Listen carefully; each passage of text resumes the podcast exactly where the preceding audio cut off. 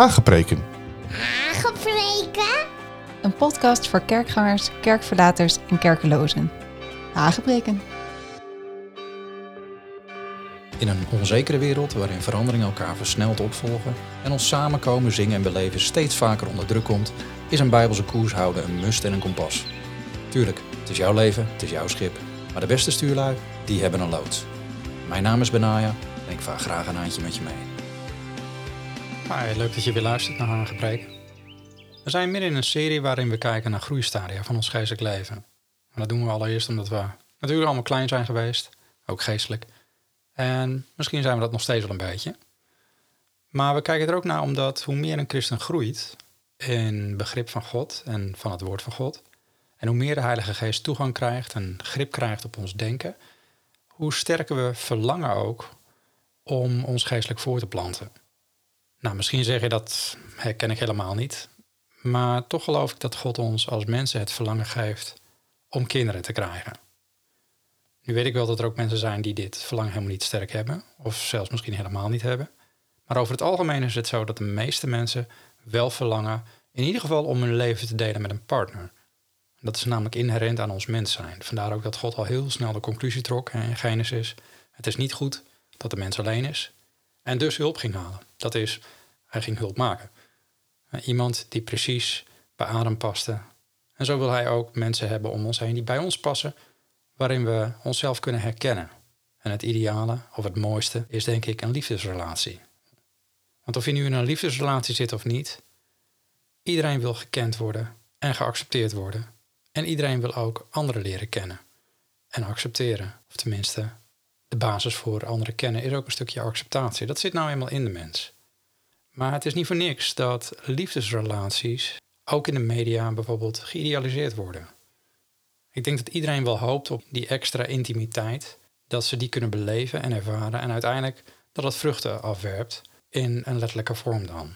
Want laten we wel wezen, kinderen zijn uiteindelijk de belichaming van de intimiteit die twee mensen samen hebben ervaren. En die intimiteit kwam ideaal gesproken, en ik denk ook van origine zo bedoeld, uit een liefdesrelatie voor elkaar. Nou, geestelijk is dat niet anders. En Paulus zei zo mooi, de, de liefde van Christus dringt ons, hè, 2 Korinthe 5. Dit zorgt ervoor dat wij de extra mijl gaan om anderen van Gods liefde te vertellen en groot te brengen in geloof. Sterker nog, ik durf zelfs te stellen dat als iemand dat verlangen niet heeft om anderen te vertellen van de liefde van de Heer Jezus, ja, dan moet je je afvragen of er niet wat, nou, laten we zeggen, spreekwoordelijke relatieonderhoud nodig is wat betreft je contact met God. Want uiteindelijk brengt liefde altijd gezinsuitbreiding teweeg. Geestelijk gesproken is het volgens God niet gewenst, denk ik, dat er voorboedsmiddelen gebruikt worden. Want de opdracht was heel duidelijk: ga heen, onderwijs al de volken en doopt het in de naam van de Vader, de Zoon en Heilige Geest en leer en onderhouden wat ik jullie geboden heb. Of zoals het in staat, ga je in de wereld en predik het evangelie aan alle schepselen. En als we dat doen, dan komen er nieuwe kinderen die opgroeien tot jongeling of uiteindelijk zelfs vader worden. Of zoals Johannes zegt in de tekst die was basisgebruik voor deze serie, ik schrijf u lieve kinderen, want uw zonden zijn vergeven omwille van zijn naam. Ik schrijf u vaders, omdat u hem kent die er vanaf het begin is. En ik schrijf u jonge mannen, omdat u de boos heeft overwonnen. En de tekst gaat verder, maar daaraan zie je dat de Bijbel ons drie groeistadia geeft. En het doel is om een persoon in staat te stellen te groeien naar het beeld van Christus, zodat hij of zij volwassen wordt en de maat van de grootte en de volheid van Christus belichaamt, geestelijk. Nou, hier komen we op aarde waarschijnlijk nooit, maar God geeft ons in ieder geval het potentieel tot groei van baby naar jongeling naar volwassene. Nou, voor elk van deze groeistadia zijn de kenmerken. En vorige keer zijn we begonnen bij de jongste kinderen, de baby's. Want iedere christen begint als, wat, wat in het Grieks staat, nepios, een, een woord dat letterlijk betekent geen spraak of onmondig. En dat wordt dan vertaald met baby of zuigeling of kind. Het wordt onder andere gebruikt voor pasgeboren christenen. En ook baby's hebben duidelijke kenmerken. En misschien is het meest duidelijke wel dat baby's onschuldig zijn. Als je ooit een babytje in je handen hebt gehad, dan komt het ook over je dat je denkt, oh gut, weet je wel, het kan niks, het, het kijkt naar jou. Ehm, het is volledig naïef van wat er allemaal om zich heen gebeurt. En zo'n baby is onschuldig, in de zin dat zo'n pasgeboren baby heeft ook nog geen verleden. Daarom verwijst Paulus ook zo mooi naar dat hij zegt in 2 Korinther 5 vers 17... En als iemand in Christus is, is hij een nieuwe schepping. Het oude is voorbij gegaan. Zie, alles is nieuw geworden.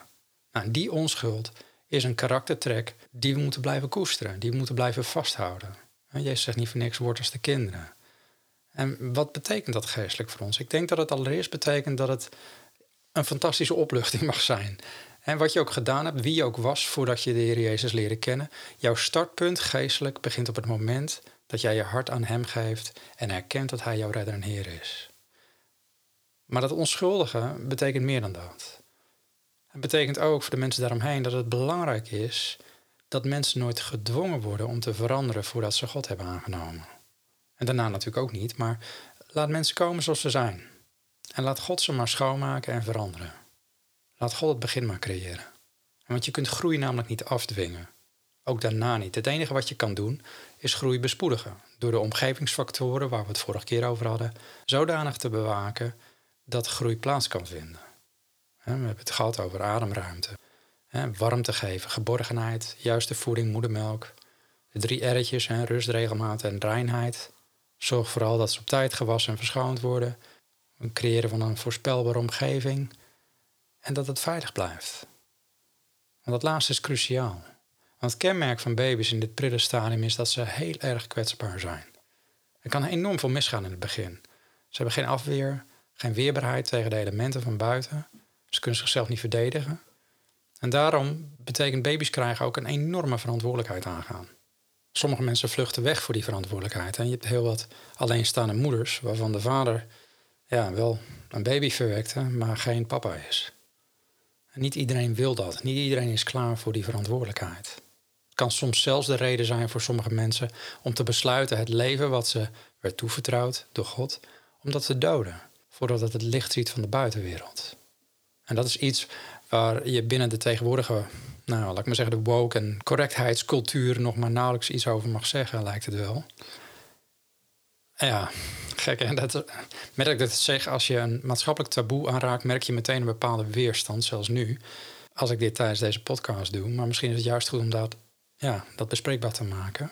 Laten we wel wezen, dit is echt een issue in onze maatschappij.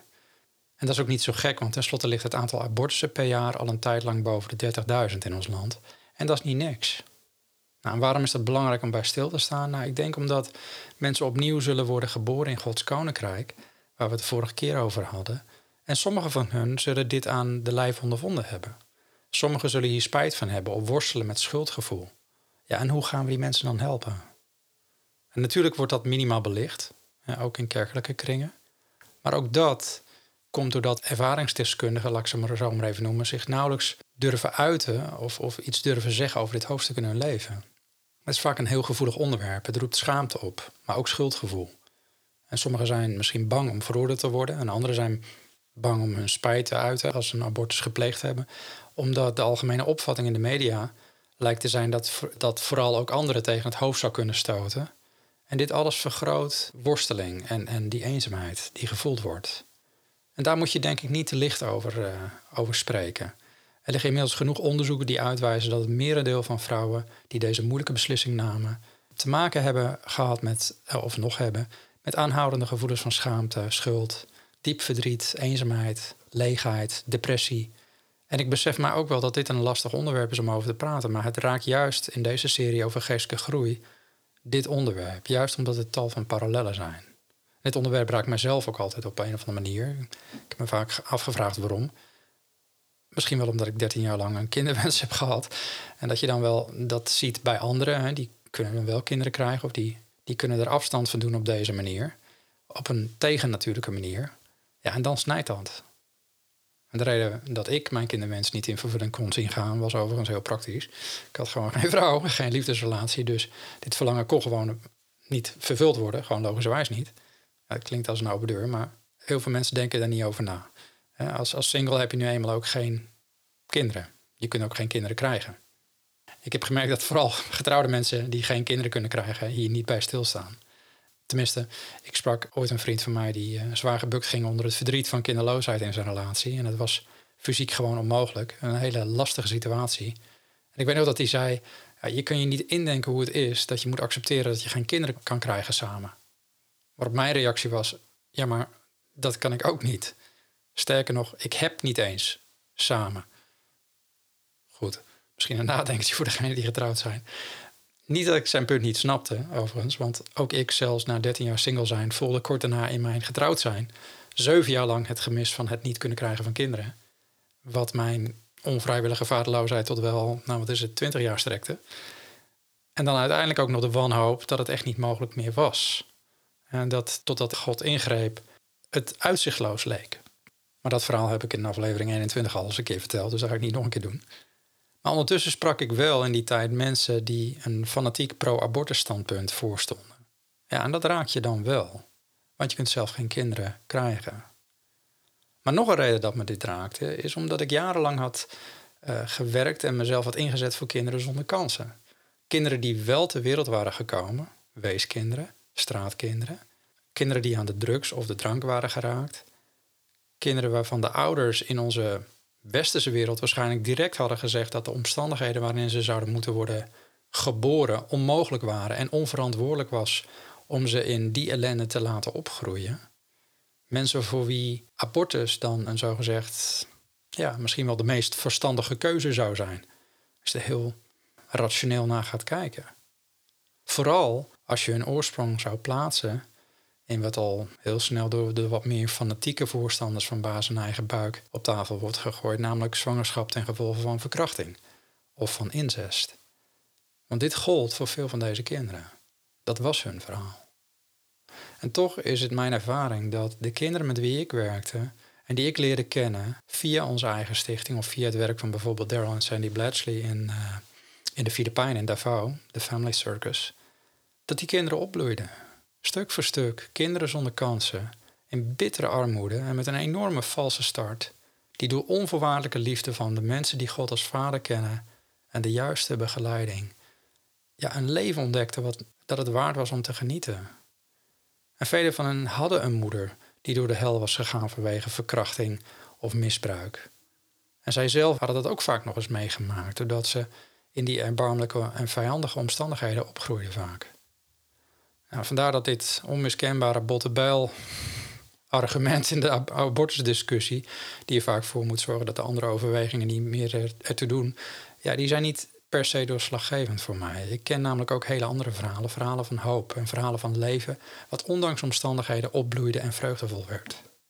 Dan weet ik natuurlijk niet hoe je er zelf over denkt, of dat uh, nou ja, dit vertellen een reden zou zijn om af te haken bij deze podcast, maar ik geloof dat je hier vaker over moet praten met z'n allen. Is duidelijk een nood onder vrouwen die geen andere optie zien. Dat of een onbegrip over de waarde van leven. Leven dat in week 6 al een harteklop laat horen. En de waarde van de eer van het mogen begeleiden van het prille leven als, als vader en moeder.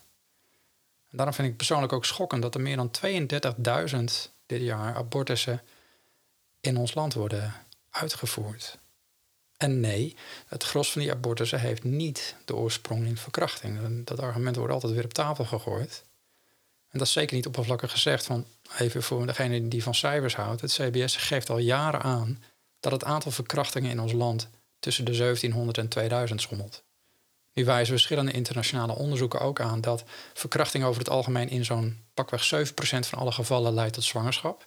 En dat is heftig, laten we daar ook niet luchtig over doen.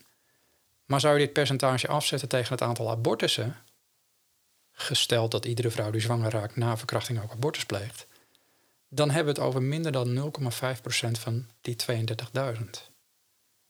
Dat is minimaal voor het argument wat vaak op tafel gelegd wordt.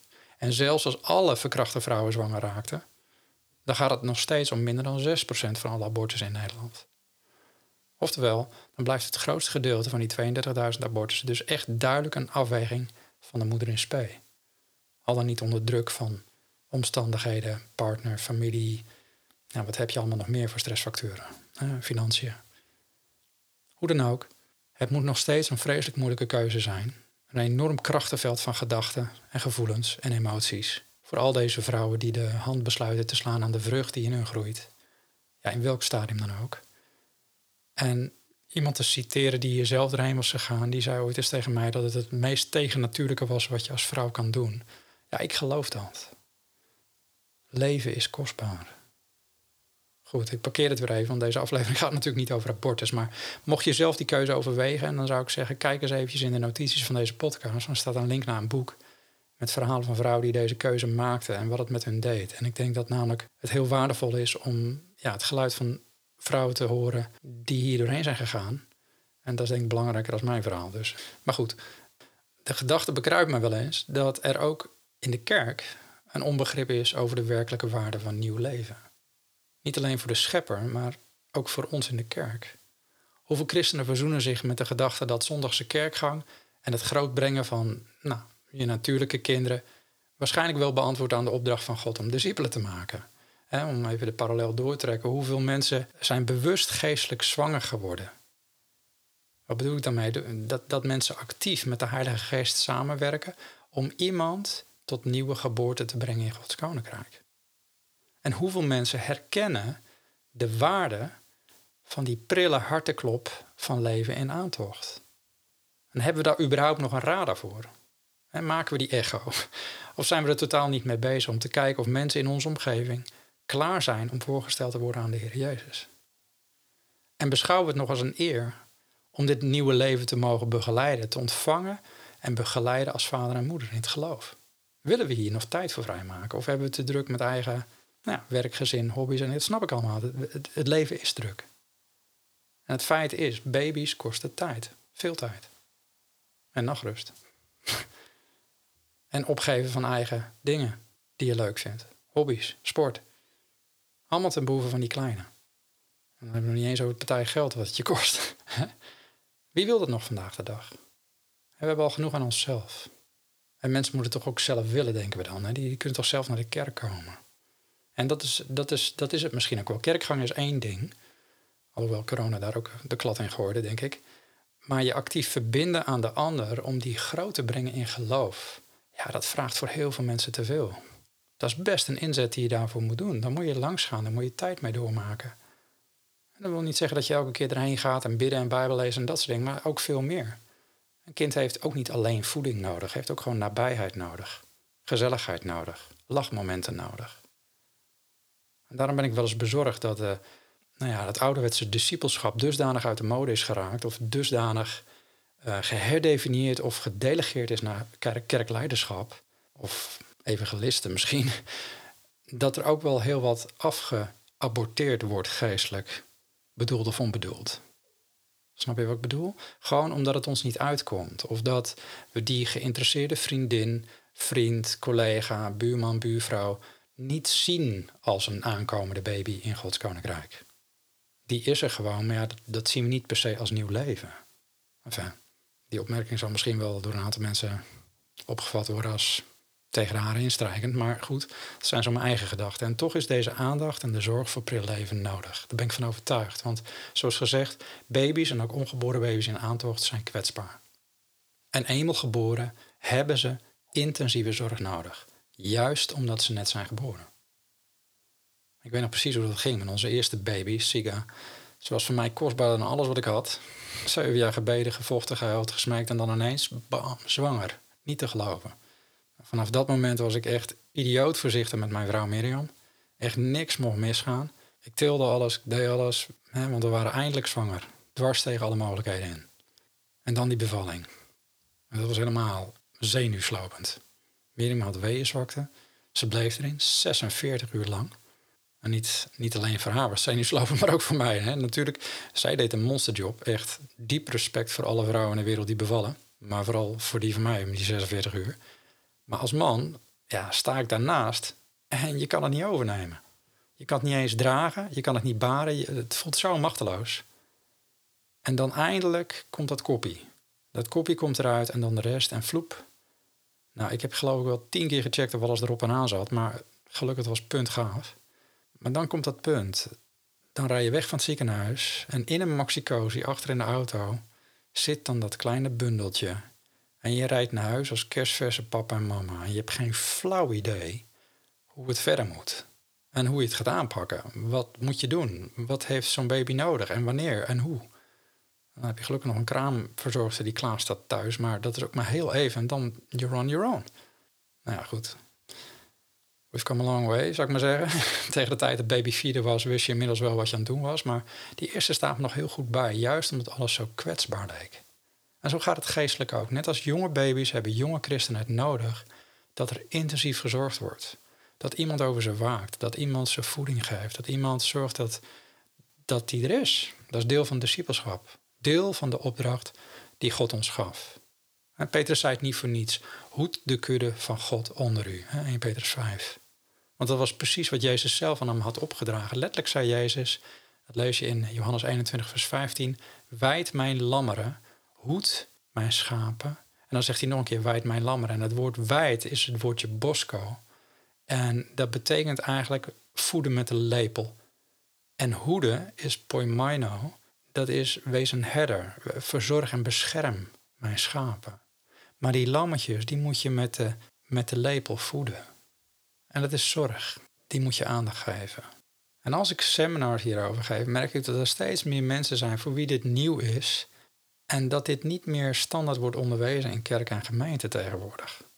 Vooral de laatste jaren is er een tendens geweest om mensen mee te nemen naar de kerk, misschien de laatste tientallen jaren wel. Daarbij hopen dat een niet-christen spontaan het licht ziet en vervolgens na nog een paar aansporingen misschien ook trouw meegaat naar de zondagsdienst. Dan kunnen we ze één keer ophalen, twee keer, nog een keer bellen of appen. Maar ja, je moet wel zelf willen natuurlijk. De werkelijkheid is dat de inzet van ons is cruciaal. We kunnen niet boeken op de dominee of de voorganger, omdat hij er nou ja, nu eenmaal voor betaald wordt, zou ik maar zeggen. En we zullen zelf aan het ledikant en bij de commode moeten staan. Het zal onze eigen nachtrust kosten, aan gebed, het zal onze eigen inzet en financiën kosten om erheen te gaan, om erbij te zijn.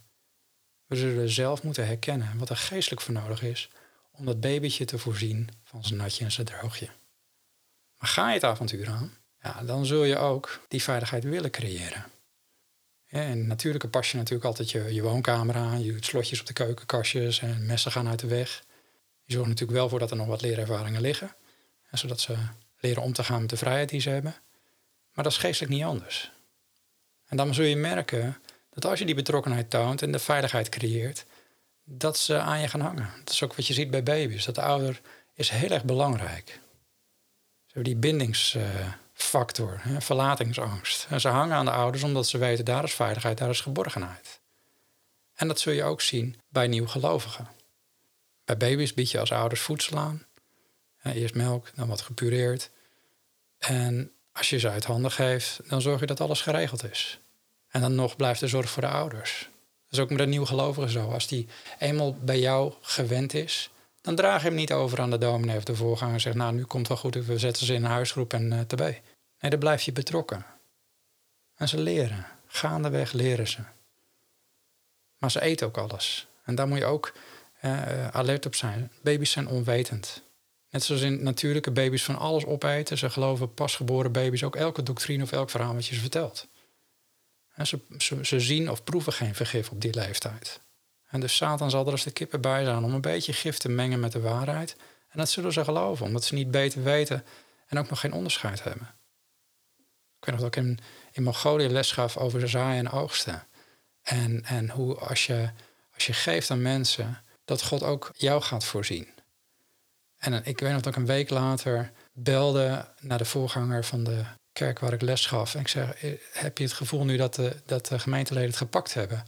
Hij moest een beetje lachen. Hij zegt, ja, Benaya, maar ik moest wel even nog bij een paar mensen wat duidelijk maken. Want die hadden dus letterlijk geld in de grond gestopt en dachten dat er geld omhoog zou komen. En dan moest ik ook erg om lachen. Ik dacht, oh, oké, babychristenen. Geen flauw idee. Um, nou, laat ik het zo zeggen. Ik moest nog eenvoudiger brengen. Nog meer een hapklare brokjes. Voor hun om te kunnen pakken wat verteerd moest worden. En waarop gekauwd moest worden. En dat is ook bij babychristenen zo. Ze hebben nog geen onderscheid.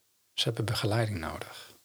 Maar het mooie is ook, jonge christenen zijn wel heel hongerig naar kennis. En ze hebben ook de neiging om, om, natuurlijk om alles te eten wat ze tegenkomen, maar het is niet alleen misleiding, het is ook de honger die hun heel snel kan doen groeien. Daarom zie je ook dat die, die groeispurten heel snel gaan. Ze leren elke week iets, elke week is weer anders. Zie je ook aan je eigen kinderen dat ze leren met vallen en opstaan, maar op een gegeven moment staan ze los. En dan kunnen ze een eerste stapje nemen. En dat gaat heel snel. En dat is ook het mooie. Ik denk dat heel veel mensen vergeten ook dat ook geestelijk is, is de begeleiding van een jonge gelovige heel mooi. Want ze pakken heel veel.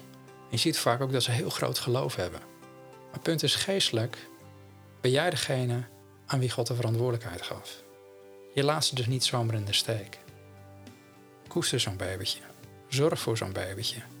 Geef ze die veiligheid, geef ze die liefde, die geborgenheid. En laat ze pas een beetje meer los als je merkt dat ze het aan kunnen. En dat vereist voorzichtigheid, dat vereist tact. En zoals, Paulus zegt in 1 Thessalonicense 2, we zijn in uw midden vriendelijk geweest, zoals een, een voedster haar kinderen koestert. Wij waren zo vol verlangen naar u dat wij u graag niet alleen het evangelie van God wilden mededelen, maar ook onszelf, omdat u ons lief geworden was. Dat beschrijft de intensieve begeleiding, maar ook de wederzijdse liefde en, en het verlangen van Paulus naar deze geestelijke kinderen. En dat is iets moois. En ik hoop dat je in deze serie geïnspireerd raakt om hetzelfde te doen en om dingen te herkennen. Tijd gaat snel. De volgende keer pakken we het weer op en dan gaan we kijken naar kinderen. Wat kenmerkt kinderen en hoe begeleiden we dat? Voor nu, blijf koers houden, blijf luisteren. Volgende keer navigeren we verder. Heb je vragen, opmerkingen of aanvullingen? Mail me gerust even op podcast.saintcanine.com.